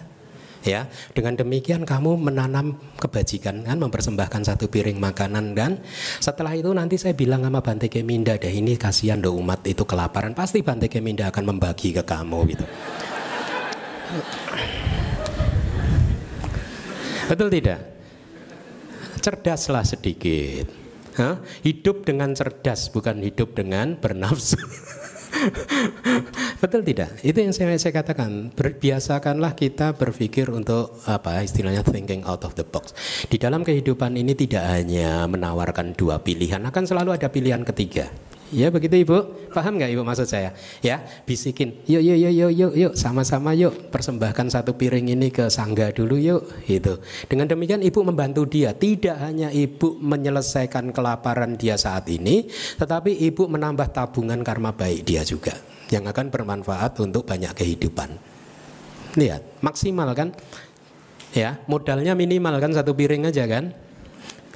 Sekali mendayung dua pulau kena betul. Ya jadi uh, begitu caranya gitu. Jadi di dalam uh, kehidupan apa pun kita jangan mempersempit cakrawala pandang kita bahwa hanya ada dua pilihan. Ya hidup atau mati. Nah, itu salah lah pokoknya. Hidup atau mati atau lari atau banyak pilihan ya enggak. Ya tidak ada dua pilihan saja. Selalu ada pilihan ketiga keempat kelima dan seterusnya gitu. Nah yang kedua kalau kita sudah berdana kemudian ternyata disalahgunakan kemudian saya tahu saya ditipu nggak apa-apa. Untung sudah berdana. Untung. Bahwa dia menyalahgunakan, dia menipu itu tidak mempengaruhi dari uh, kebajikan yang sudah Anda lakukan. Tetapi kalau Anda kemudian malah memunculkan rasa jengkel, benci, maka Anda yang sedang mempengaruhi panen Anda. Ibaratnya bijinya tadinya bagus, benih mangga yang Anda tanam bagus, benih karmanya, tetapi setelah tahu si orang yang menerima dana Anda itu menipu Anda, Anda memunculkan rasa jengkel, maka Anda mempengaruhi cara bekerjanya hukum karma yang sudah Anda lakukan tadi, sehingga efeknya apa? Buah dari perbuatan tadi bisa jadi tidak manis. Hmm? Akan ada ulatnya, mangganya nanti buah karmanya tidak akan maksimal. Jadi cara terbaik bagaimana kalau orang sudah menipu oh ya kama saka ya semua orang adalah pemilik karmanya sendiri hmm? dan seterusnya ya saya memiliki karma saya sendiri dia memiliki karmanya sendiri gitu. Jadi dengan demikian kita tetap tenang seimbang dan bersyukur untung saya sudah berdana. Coba kalau saya tahunya dia itu jahat itu sebelum saya berdana kan saya malah nggak jadi berdana. Paham Bu? Jadi untung saya tahunya setelah saya berdana sehingga minimal saya sudah berdana satu. Ya, lalu berikutnya apakah berdana kepada dia lagi tergantung kebijaksanaan pada saat itu. Kalau memang ada kepemilikan Anda terbatas dan ada objek lain yang lebih baik, ya lakukan untuk objek yang lain. Tapi kalau Anda sedang bertekad untuk menyempurnakan parami Anda, lakukan pada orang yang nipu itu terus nggak apa-apa juga. Karena dana cak palang, dana selalu berbuah. Tidak ada dana yang tidak berbuah. Ya, tidak tergantung pada orang itu penipu atau tidak. Ya. Jadi, eh, tapi kalau anda ingin mempraktekkan dana sebagai kebajikan, berhitung-hitung kepada eh, terhadap kualitas eh, penerimanya, maka anda lakukan juga yang terbaik gitu. Makanya saya selalu bersyukur kepada para donatur Anda semua gitu ya Sudah mendukung ada tempat seperti ini. Paling tidak lihat setiap hari, setiap akhir pekan kan ada banyak orang yang belajar dhamma seperti ini. Meningkatkan pengetahuan, meningkatkan kebijaksanaan Menjadi orang yang lebih baik ratusan setiap akhir pekannya. Jadi apa yang sudah Anda berikan kepada tempat seperti ini itu adalah perbuatan yang sangat mulia, sangat bagus. Tidak hanya sebenarnya apa yang kita lakukan itu bergema atau bergaung di ruangan ini saja. Anda lihat di YouTube kita, hmm? responnya cukup positif kan dari jumlah ininya. Jadi menjangkau sampai keluar dari tembok ini. Jadi uh, uh, hal-hal seperti itu kadang juga memang bisa menjadi pertimbangan kita kalau kita berdana dan itu sah-sah saja tidak salah. Tapi kalau kemudian dianggap hitung-hitungan nggak apa-apa juga. Memang juga Buddha juga di Dakina Wibangga Sutta mengajarkan hitung-hitungannya. Hmm? Nggak apa-apa juga. Ada gitu. Tapi Anda tahu bahwa kebajikan ini hanya mengamankan samsara, tujuan kita pada akhirnya adalah keluar dari samsara. Itu. Sudah ya saya rasa ya. Iya, Cukup ya. Iya,